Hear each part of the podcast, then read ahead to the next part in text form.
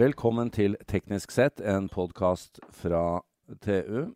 Jeg sitter her som sedvanlig med Odd-Rikard Valmot. Hei, Jan, Hei, som sedvanlig. Mitt navn er Jan Moberg.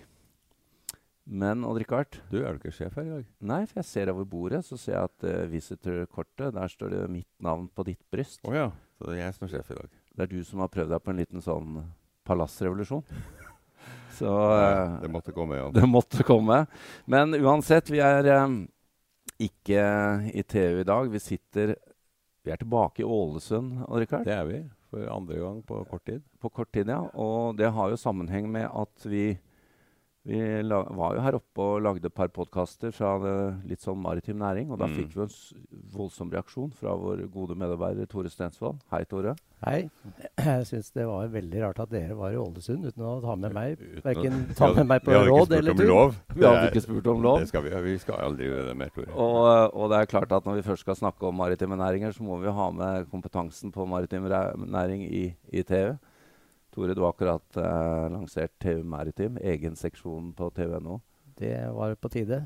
Det er eh, stort behov for litt mer eh, informasjon om eh, det som skjer i Norges langstrakte land. Han skal ha det fra sine egne, Richard. Han Ja, ja. kjører på. Ja, han gjør det. Han Ja. er en produktiv Men det var godt at du som sjef hørte på meg til slutt, så vi fikk lansert TV Maritim. Til slutt, ja. Mm. Nei, men det er godt å høre. Ja. Vi er eh, tilbake også i Ålesund kunnskapspark, der vi var bare for noen uker siden. Mm. Um, og vi har fått med oss seniorrådgiver i Ålesund kunnskapspark, Jan Børre Rydningen. Velkommen. Takk skal du ha. Eller det er vi som kommer til deg, da. Ja da, og dere er hjertelig velkommen. Ja, du, det setter vi pris på. Um, det vi skal snakke om i dag, er jo um, noe som heter Norsk katapultsenter. Ja. Og sånn jeg har skjønt det, så finnes det fem steder i Norge som har uh, den type klassifisering eller navn. Ja, Og dere er et av de. vi er et av de. Eh, det er riktig, det. Så for, for eh, i fjor, på denne sida, så var det to som fikk eh, status. Dette var Manufacturing Technology på Raufoss, og så fikk vi et Future Materials nede i eh, Kristiansand og Sørlandet. Eh, og så kom det tre til her i sommer, hvorav vi er et av disse. Som, eh, og vi heter Digicat, Norsk katapultsenter. Digicat. Det er sånn som Språkrådet ville ha likt. Ja, ja, nei, det, det høres ut som en digital katte, men eh, det er vel ikke det. Nei da, det er vel en uh, forkortelse for digital katapult. Ja, og, og vi snakket her før sending om dette med virtuell prototyping. Og det, det skal vi jo snakke litt om. Men Odd-Rikard, du var inne på det. Um, jeg husker det var kanskje et par år siden jeg var borte på Consumer Electronic Show. Mm. Og Intel hadde en svær presentasjon over sine nye prosessorer. Ja. Og det er jo nesten ikke noe marked for å lage kjappere prosessorer til PC-er. eh, altså det går fort nok til vanlig bruk. Men det var gaming som var Ja, da, fokuset. det er, og det har det vært i veldig mange år. Ja, grafikk og gaming. Grafikkprosessor. Altså, jeg eh, har jo vært med noen år. Ja. jeg har jo sett hvordan grafikkprosessoren har posisjonert seg i, i enhver sammenheng. ikke sant? Ikke sant? Dataspill i, på tidlig 80-tall, det var jo sånne prikker som flytta seg. Ja. Og så ble det liksom mer og mer figurer, og nå kan du nesten ikke se at det er, ikke er ekte folk som løper på en fotballbane eller slåss mot Ja. monstre. Det er blitt helt fantastisk. Og her har prosessorindustrien uh, Ha, de, har, de har gjort jobben sin, Ja. uh, bokstavelig talt. Men så har jo det her utvikla seg fra spill, da. Dette jeg tror at det vi snakker om i dag, det er rett og slett en sånn uh, industrialisering. Uh, industrien tar nytte av det, av det som spillindustrien har finansiert. Men eh, Tore, dette er jo da litt av grunnlaget for, for uh, denne satsingen vi sitter og skal høre om i dag. Men maritim næring og prototyping og digitalisering, uh, det er, det er uh, hånd i hanske, det? Det er eh, søt musikk, og det er mange som har snakket om i mange år. Men eh, det har ikke vært så lett å, å se de, de reelle prosjektene komme. Altså det har vært lansert det ene digitale tvillingprosjektet og snakk om å flytte ting opp i skyen. Og motorprodusentene har snakka om det i årevis, at vi kan Ja. overta kontrollen på motoren din. Bare vi får tilgang til, eh, til eh, Måle, måleinstrumentene om bord. Ja. Så kan vi fortelle deg om tilstanden på motoren, så slipper du å stoppe midt ute på havet og seile din egen sjø. Og så har jo selvsagt eh, disse eh, skipssimulatorene hatt nytte av den utviklingen, da. Det er klart. Den digitale utviklingen der er jo helt eh, enorm. Det går fort. Og det, Jan Børre, nå har vi innledet litt om disse teknologisprangene, men uh, vi er vel inne på noe her? At dette er viktig premiss for det dere leverer?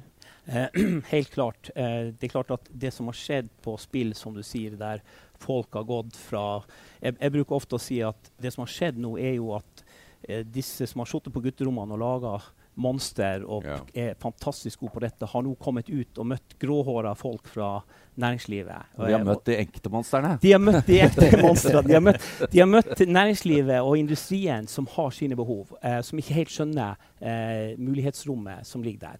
Men nå ser vi jo at eh, der er en dreining. Vi ser at dette kommer inn og brukes i stadig flere områder innenfor industri og eh, næringsliv. Ja, Digital tvilling er vel et sånt sentralt begrep som blomstra opp for noen år siden, og som nå begynner å spre seg ganske mye. Ja, helt klart. Og, og det er klart at en digital tvilling er mye mer enn bare en 3D-modell. Noen Mm. har satt likhetstreng mellom digital tvilling og en 3D-modell. Men her er nøkkelen at du må på en måte, i det ideen oppstår, så må du begynne å tenke digital tvilling. Du må legge til rette for å utvikle. Eh, at du får eh, ikke bare en 3D-modell, men at du kan ta, ivareta det som skal skje framover i utviklingsløpet. Fra fødsel til død og, og end of life av produktet. Så det er klart at digitale tvillinger er jo utrolig viktig. Og det vil påvirke eh, hele utviklingssekvensen og syklusen man gjør det. Så man må faktisk endre arbeidsprosessene sine. Det er ikke nok bare å digitalisere eksisterende og gamle måter å gjøre det på og bare legge et ekstra lag på. Da oppnår du ikke den gevinsten. Her må man gå tilbake på tegnebrettet og tenke annerledes i måten man gjør en utvikling. Og det er kanskje den største terskelen for å få næringslivet til å ta dette i bruk. Så, så når, når eh, man eh, starter på en digital Nå er det jo den digitale tvillingen som blir født først, da. Eh, så må man altså tenke nytt om. Man er ikke ferdig med utviklingen før man har prøvd og testet og sett hvordan disse tingene henger sammen. Nei, helt klart ikke. Man, har, man er ikke ferdig da heller. Man, den skal jo leve og samle data underveis i sann tid, som, som uh, Tore var inne på, dette med, med informasjon fra motoren og det du samler inn. Og føres tilbake til å kunne gjøre designet av neste generasjon enda bedre. Eh, Du snakket om at eh, dette her er best, eh, beste verktøy for SMB-er, altså små og mellomstore bedrifter. For de store selskapene de kan kanskje gjøre mye av dette selv. De har kompetanse og de har utstyret. Men hvordan kan SMB-ene dra nytte av dette? Ja, det er jo som du sier, De store har nok både kompetanse og verktøy og råd til å kjøpe dette. Eh, men utstyret i dag er blitt billig. for Du kan gå på Elkjøp og kjøpe briller, og du kan kjøpe deg en, en noenlunde grei PC. Men verktøyene rundt for å håndtere dette er fremdeles kostbare. Så det å kunne dele på de kostnadene For en SMB trenger ikke nødvendigvis dette hele tida, sånn som Rolls-Royce og Ulstein og de store. Men det å kunne ha en felles plass å gå og dele på disse, disse er jo eh, helt nødvendig, sånn at vi får den teknologien ut blant SMB-ene. Og så er det jo eh, forskjell på et uh, digitalt monster og ei digital kran. da. Ja da, det forhåpentligvis. det er mye data om strekkfasthet og slitestyrke og kvalitet og sånn som ligger i en sånn modell i stål eller plast eller hva det måtte være. Ja da, og du er inne på nøkkelen. Det er klart at eh, det å få den informasjonen fra designverktøyene der du sitter og lager og legger den en, Punkt én er jo at du faktisk får den informasjonen inn. Ja. Den har ikke alltid vært der. Det, de som har sittet og tegna 2D-tegninger og, og GA, eh, de har ikke hatt den informasjonen. Men nå ser vi når vi går over inn i denne verden og får digitale tvillinger, så er det noen av de essensielle elementene som skal inn. Men altså dette med, å, dette med å få tak i de raske mikroprosessorene og de gode VR-brillene, det, det, det koster jo ikke så mye lenger. Uh, så det må være andre deler av det dere sitter på, som er viktigst for uh, disse bedriftene som henvender seg. Ja, og jeg vil si at det er tre ting. Eh, det ene er jo kunnskapen og kompetansen om å bruke eh, verktøy og prosessen om hvordan man kan gjøre dette godt.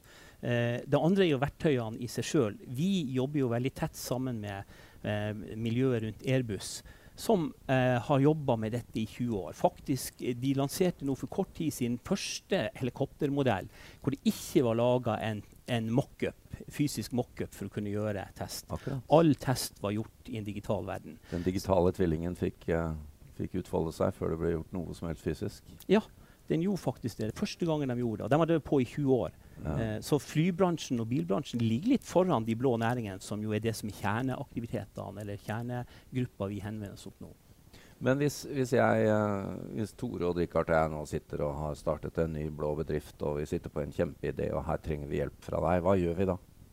Ja, da tar dere jo eh, kontakt med oss. Eh, og så vil vi kunne hjelpe dere inn i den videre prosessen. Eh, både med det å tilrettelegge for de modellene som skal brukes, eh, kan få tilgang til vår infrastruktur. Og så er jo vi sånn sett heldige fordi at dette er en type infrastruktur som lar seg distribuere. Sånn ja, hvis det er, er, jo sånn digitalt. At, ja, det er jo digitalt. sånn at Hvis man ikke, hvis, hvis man holder til på, på, på, på Hedmarken eller uh, Kjøllefjord, eller noe sånt, så kan man i prinsippet fra oss få tilsendt et mobilt kit som gjør at man kan gjøre det mye nærmere der man er, Mm. og bruke de ressursene og kunnskapen som vi har, eh, det være seg modeller og kompetanse, så kan, slipper man å reise veldig langt sjøl. Vi, vi, må snakke litt om hvordan, uh, hvordan det her uh, blir billigere og bedre også. For, uh, I forhold til å sveise sammen modellen og teste den i fysiske rom, som vi, som vi har gjort frem til i dag. Hva er det, hva er det bedriftene vinner på å gå over til en sånn vi- vi- tvillingmodell? Det man vinner, er jo at man kan Vi sier gjerne fail fast. Du kan oppdage feilene veldig tidlig, mens Ja. endringer koster lite å gjøre. Ja. Du tar kunden med deg inn og oppdager at Og kunden skjønner hva han kommer til å få, eh, for han kan forstå det eh, på en mye bedre måte. Og Dermed så, så, så tar du og reduserer risikoen. Du treffer bedre med utviklingsprosessene dine, eh, og du reduserer tid og kost på å gjøre det. Ja, du nevnte mm, at du har distribuert utstyr, så du kan sende kit rundt omkring. Og det er klart, Sitter du på Hedmarken og utvikler noe veldig havbasert, så trenger du et kit. og det er Vanskelig å komme til havet der.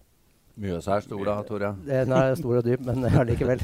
433 meter dyp, er den ikke det? Jeg ha et par poser salt, det, så går det vel. Du, eh, Jan Børre. Det, det er jo eh, Jeg vet at dere sier noe om at dere har ekspertise og utstyr og fasiliteter som uh, gjør at bedriftene kan akselerere innovasjonsprosessen. Og hurtighet er vel også viktig her, da? For det er vel ikke sånn at uh, ideer alltid er originale?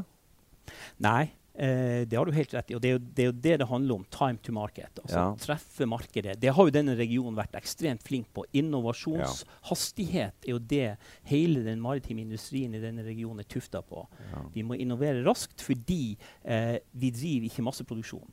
Uh, vi driver gjerne uh, litt skreddersøm, og vi driver gjerne med småserieproduksjon. Og da er det viktig, da blir innovasjonselementet og utviklingsløpet desto viktigere enn å utvikle én gang for et produkt som skal produseres i fem til ti år.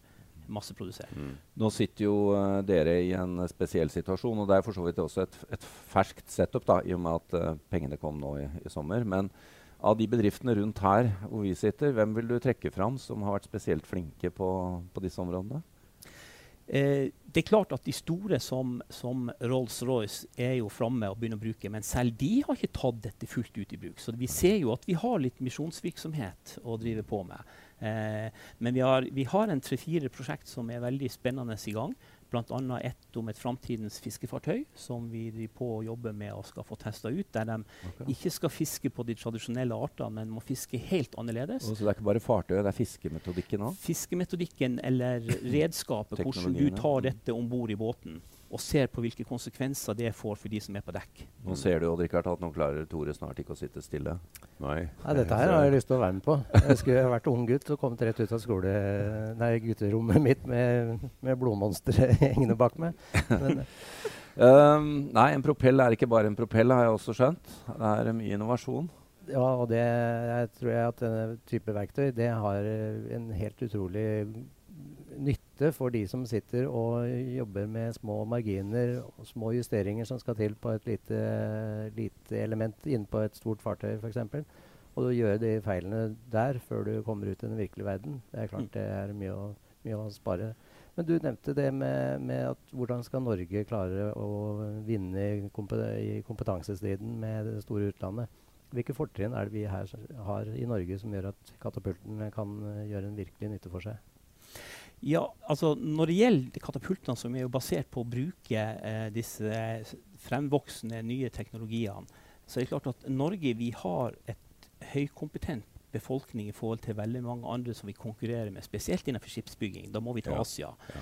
Og det at vi kan bruke disse teknologiene med mennesker som har høy kunnskapsnivå og høy forståelse for kvalitet og selvstendighet, det betyr at vi kan utnytte dette verktøyet. Men det er et vindu. Eh, de andre kommer halsende bak oss, og det er jo ekstremt viktig at vi bruker eh, det mulighetsrommet som vi har nå de nærmeste årene. Ellers så kommer store kinesiske og eh, koranske aktører til å ta oss igjen og faktisk gå forbi oss i Mm. denne. Eh, Jan Børre Rynningen, vi må gå inn for landing her. Men du hadde, du, du hadde et par, virkelig, par hovedbudskap. Du var inne på ett av de nå. Men du var veldig opptatt av dette at det ikke bare eh, var eh, snakk om å bruke gamle arbeidsmåter. Og er vi flinke nok til å fornye oss? Eh, spør du meg, så er Ja. svaret nei. Nei. Eh, vi er ikke flinke nok, vi er ikke raske nok, selv om eh, vi er blant de bedre. Men likevel så, så tror jeg vi må eh, ta tak i oss sjøl og bli enda flinkere til å utnytte disse mulighetene. For det går bare raskere. Eh, Ja. det, som, som, det som ikke var så tidskritisk for 20 år siden, er nå plutselig blitt tidskritisk. At du klarer å Og det er det. her dere kommer inn og kan hjelpe bedriftene? Det er her vi kommer Ja. inn og kan hjelpe til, sånn at man tar ned utviklingstida og treffer markedet bedre enn mm. man gjorde. Jan Børre eh, takk. Dette er jo spennende, og jeg tror eh, Tore og Richard, vi må jo få med oss de fire andre Det må vi. eh, Det- stedene definitivt. også. Ja. Ja. Så får vi legge til da, litt reklame på slutten at det er Siva, Innovasjon Norge og Forskningsrådet som står bak dette her. Eh, det er jo eh, mye snakk om virkemiddelapparatet, eh, Jan Børre. Så det er jo viktig å få fram at de kjører på med nye ting også. Eh, det har jeg sagt. Eh, det, de eh, har samarbeidet om dette, og det har vært utrolig viktig for norsk industri. Takk. Takk.